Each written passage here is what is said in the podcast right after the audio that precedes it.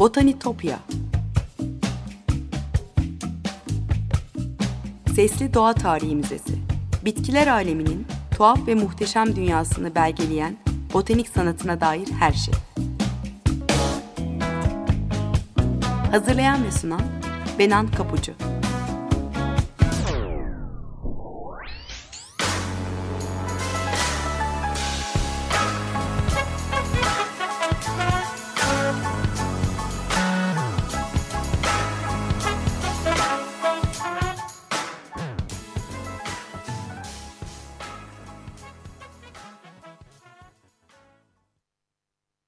Merhaba sevgili Açık Radyo dinleyicileri. Botanitopya'ya, bitkiler aleminin tuhaf ve muhteşem dünyasına hoş geldiniz. Anlatıcınız ben Benan Kapucu. botanitopya.gmail.com adresinden ya da aynı adlı Twitter ve Instagram hesaplarından bana ulaşabilirsiniz. Yorumlarınızı ve katkınızı paylaşabilirsiniz. Ee, geçmiş programlara ulaşmak isterseniz de Spotify'dan ya da Açık Radyo'nun podcastleri üzerinden dinleme şansınız var. Bugün topraklarımıza gelmiş bir doğa bilimci ve gezgini anlatacağım size. E, batılı kaşiflerin 16. yüzyıl başından itibaren e, tıbbi bitkileri kayıt altına almak için e, Akdeniz ülkelerine, e, Orta Doğu'ya, e, daha çok da Anadolu'ya seyahat ettiğini anlatıyorum biliyorsunuz zaman zaman. E, Turnefor'u ve Olivier'i konuşmuştuk geçmiş programlardan hatırlayacak olanlar vardır. Bugün Anadolu'ya gelen İlk doğa bilimci ve gezgin Fransız Pierre Bellon'un adımlarını takip edeceğiz. E, Kanuni döneminde Osmanlı toprakları içinde olmuş. E, sadece bitkileri, balıkları, e, kuşları, mis kedilerinden armadilloya, türlü türlü hayvanları değil, bu coğrafyada gördüğü her şeyi kaydetmiş. Kent surlarını, yolları, insanların nasıl yaşadığını, giyim kuşamı, örf ve adetlerini tek tek anlatmış seyahatnamesinde. E, Türkiye florasını anlatan ilk basılı yayın olarak kabul ediliyor. Bu yüzden botanik tarihimiz açısından da son derece değerli. E, Fransızca yayınlanan kitabın uzun başlığının Türkçe karşılığı şöyle. Yunanistan, Anadolu, Filistin, Mısır, Arabistan ve diğer yabancı ülkelerde görülen birçok özellikler ve hatırlanmaya değer şeyler hakkında gözlemler. E, seyahatnameden bitkilerle ilgili neler öğreniyoruz? Onunla ilgili notlar aktaracağım size daha çok. Bunun için de harika bir kaynak var elimde. E, tüm meraklara öneririm. E, Pierre Bellon seyahatnamesinin e, Türkiye coğrafyası ile ilgili bölümlerini kapsayan sınırlı bir çevirisi e, yakın bir zamanda çıktı. E, İstanbul ve Anadolu gözlemleri Antakya, Adana, Konya, Afyon, Kütahya, Bursa alt başlığıyla Hazal Yılın çevirisiyle kitap yayın evi e, yayınlamış e, bu seyahatnameyi.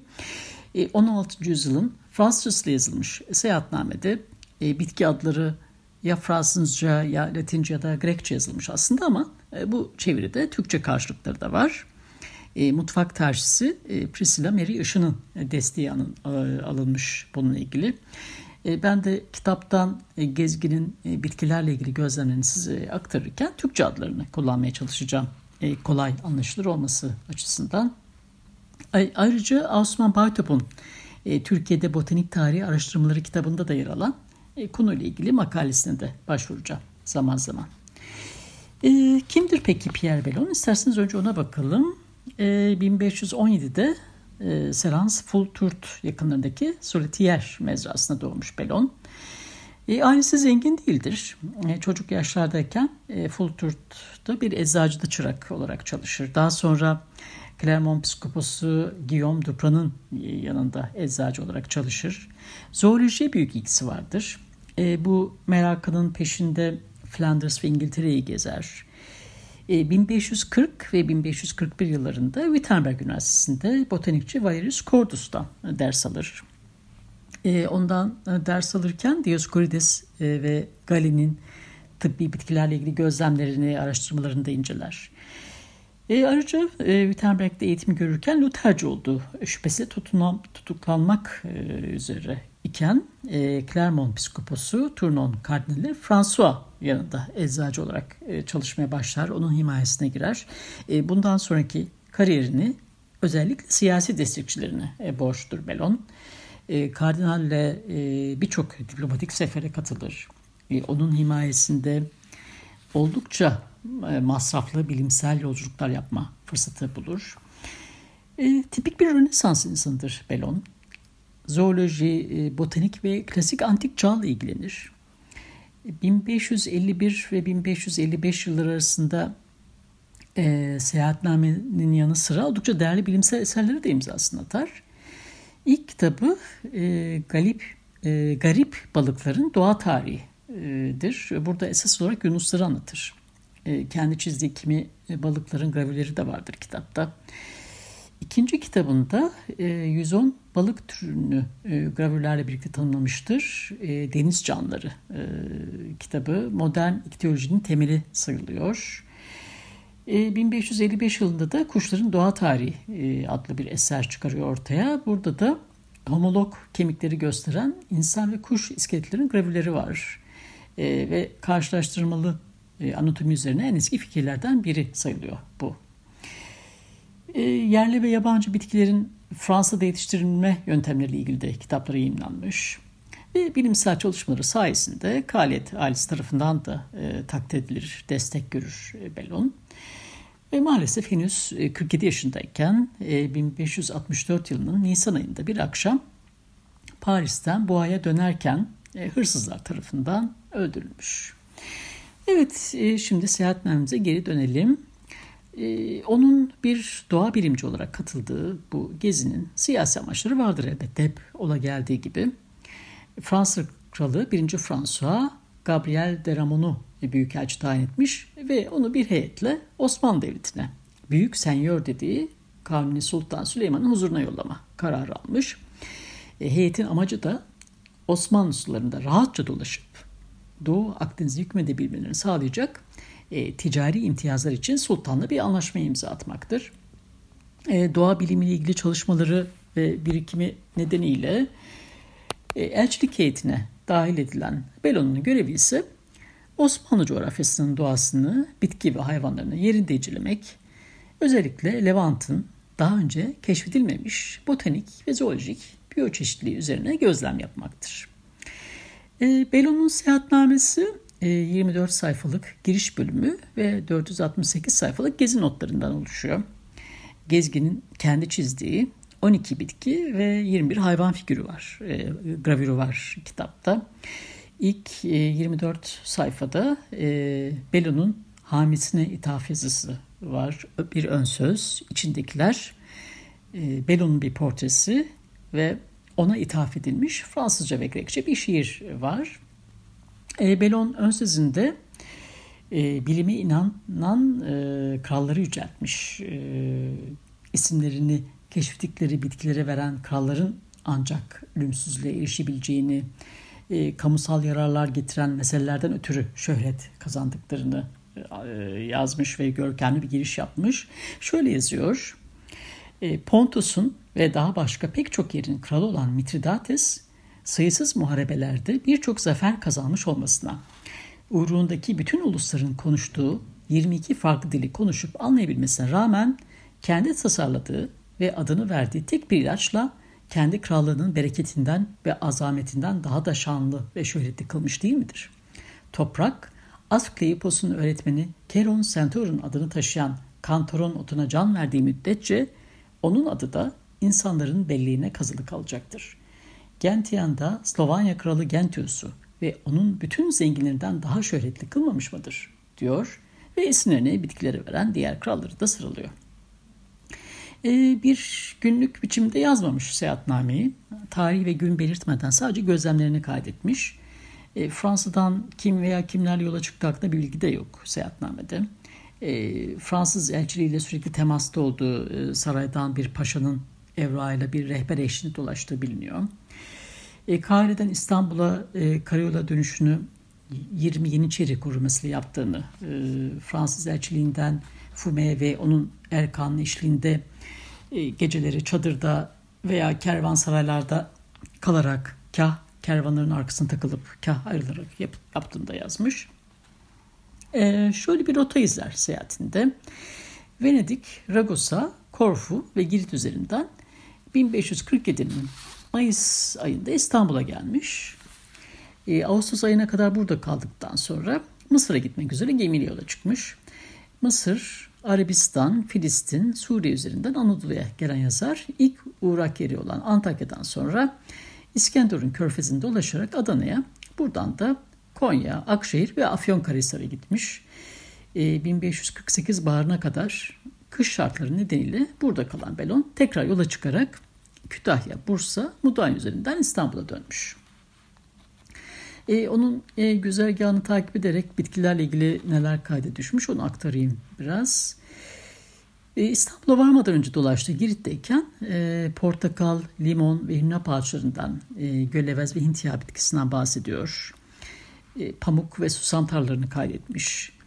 E, yerli Akdeniz bitkileri arasında yabani hurmadan e, bahsediyor. E, Limni Adası'ndayken Atos Dağı'nın herden yeşil ağaç ve ağaçlıklarını, Selanik üzerinden doğuya doğru giderken meşe ağaçlarını ve aralarında asılı ökse otlarını anlatmış. Bu bitkinin meyvelerinden merhem hazırlandığını anlatmış. Meriç Nehri'ni geçerken de toprağın bereketinden, köylerin nehir boyundaki bahçelerde kavunlar, karpuzlar, e, bal kabakları, asma kabakları, hıyarlar, e, bunun gibi başka yaz sebze ve meyve yetiştirdiklerini anlatıyor. E, İnecik İstanbul yolu üzerinde e, kavun, kabak, pamuk ve susam yetiştirdiğini yazmış. Kaplumbağaların çokluğundan e, ve verdikleri zarardan bahsetmiş. E, Silivri'de yaprakları zakkum yaprağına benzeyen fakat daha küçük olan sütlü bir bitki tarif ediyor.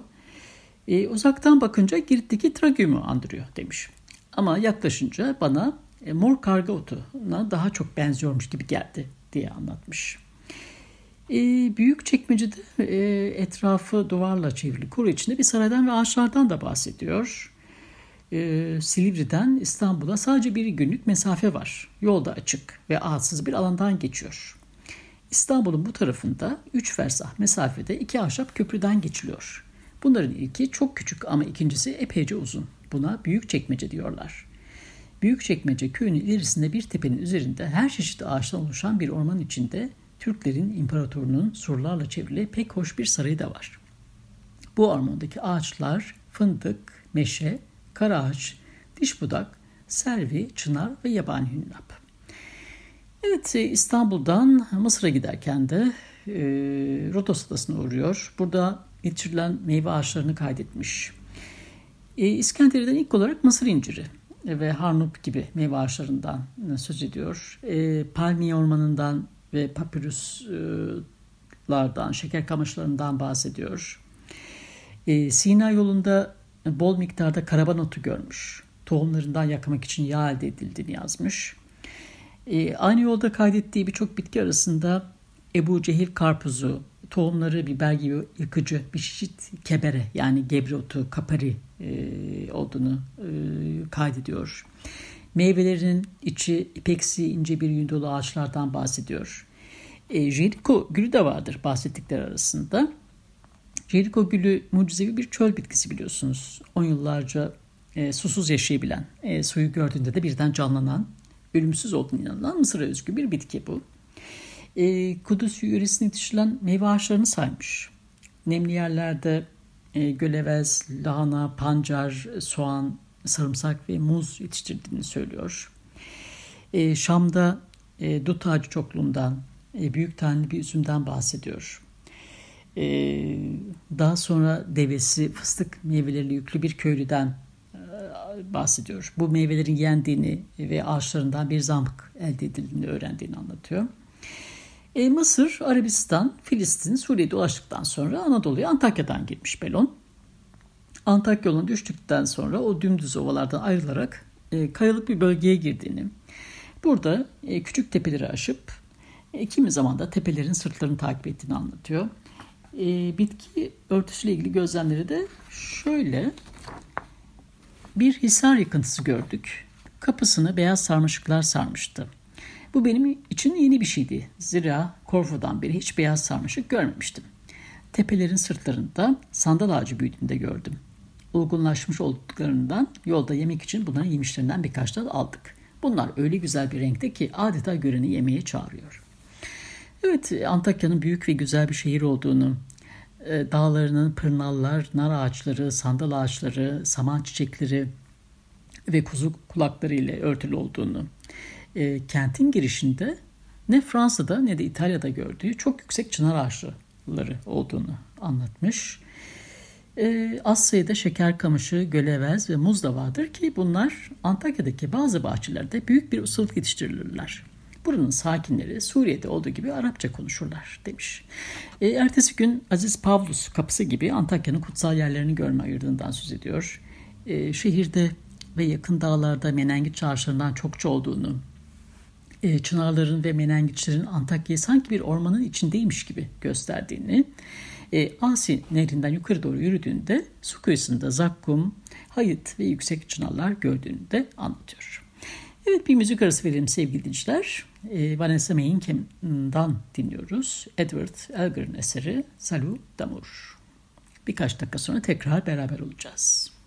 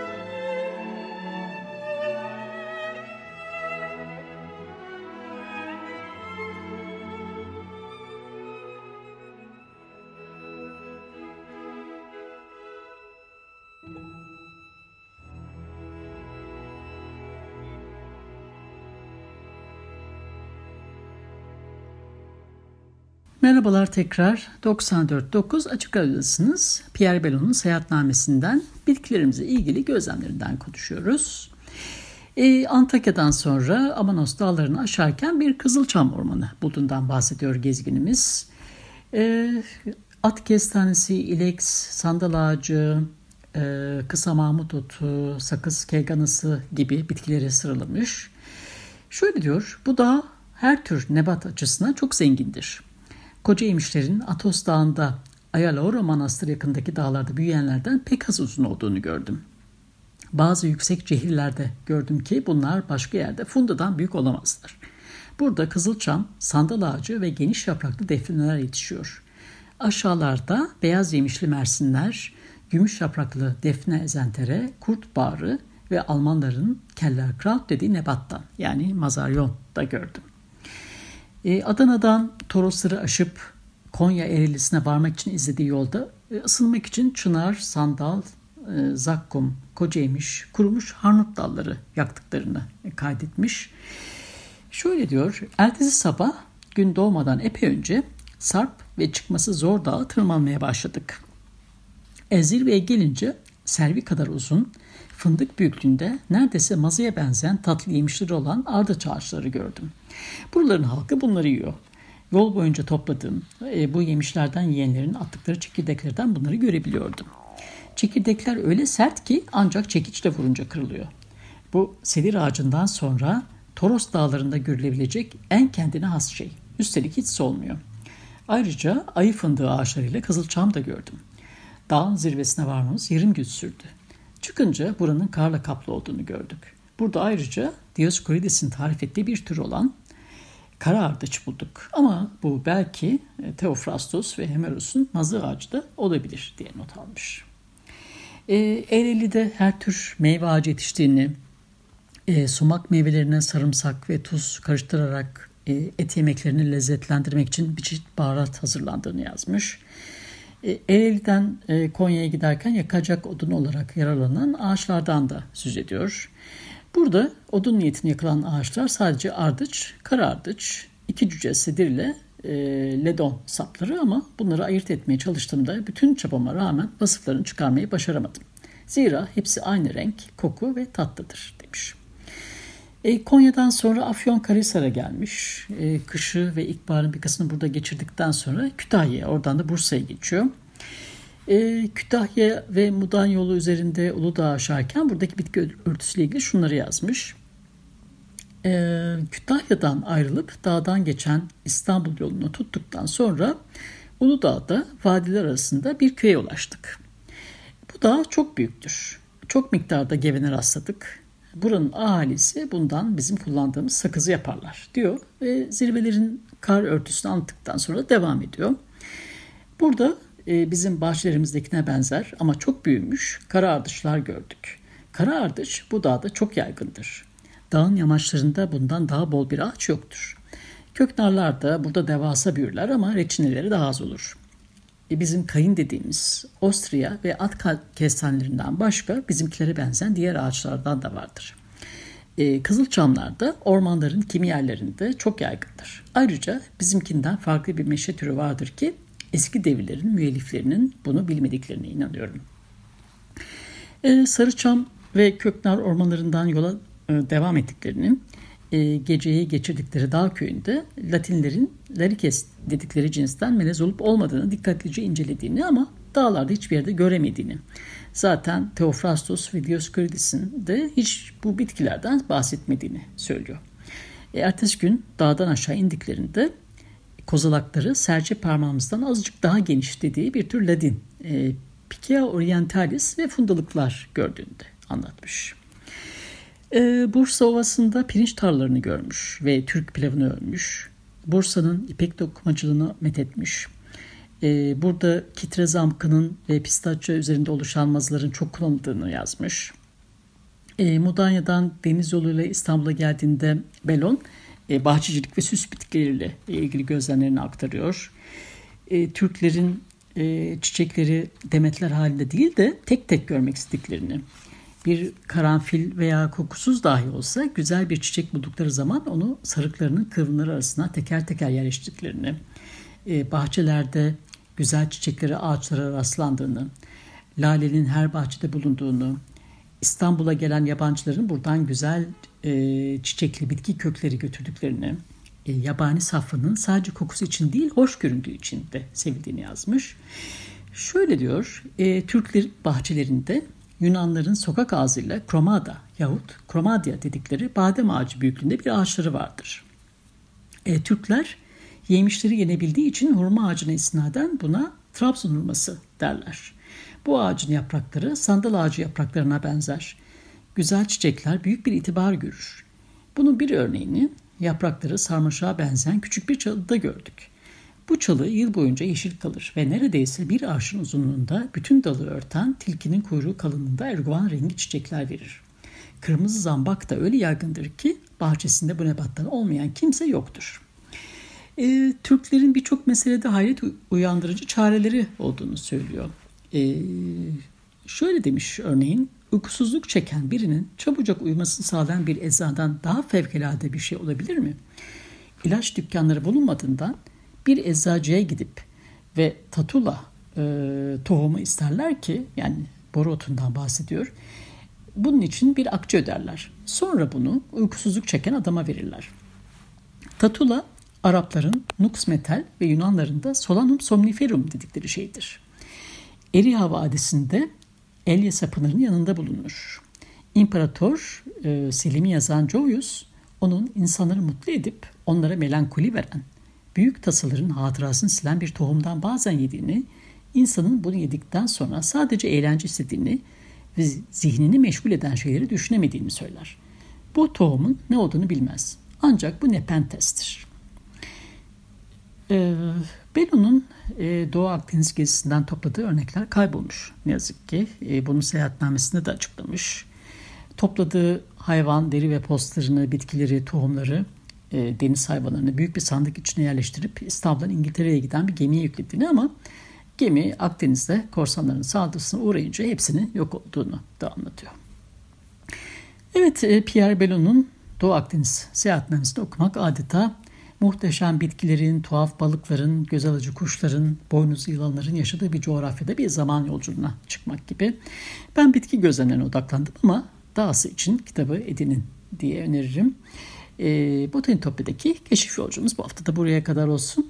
botanitopya.gmail.com adresinden ya da aynı adlı Twitter ve Instagram hesaplarından takipte kalırsanız çok mutlu olurum.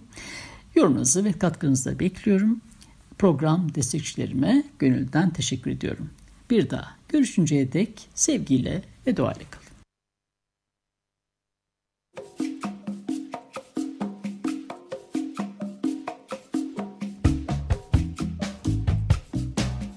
Botanitopya Sesli Doğa Tarihi Müzesi. Bitkiler aleminin tuhaf ve muhteşem dünyasını belgeleyen botanik sanatına dair her şey. Hazırlayan ve sunan Benan Kapucu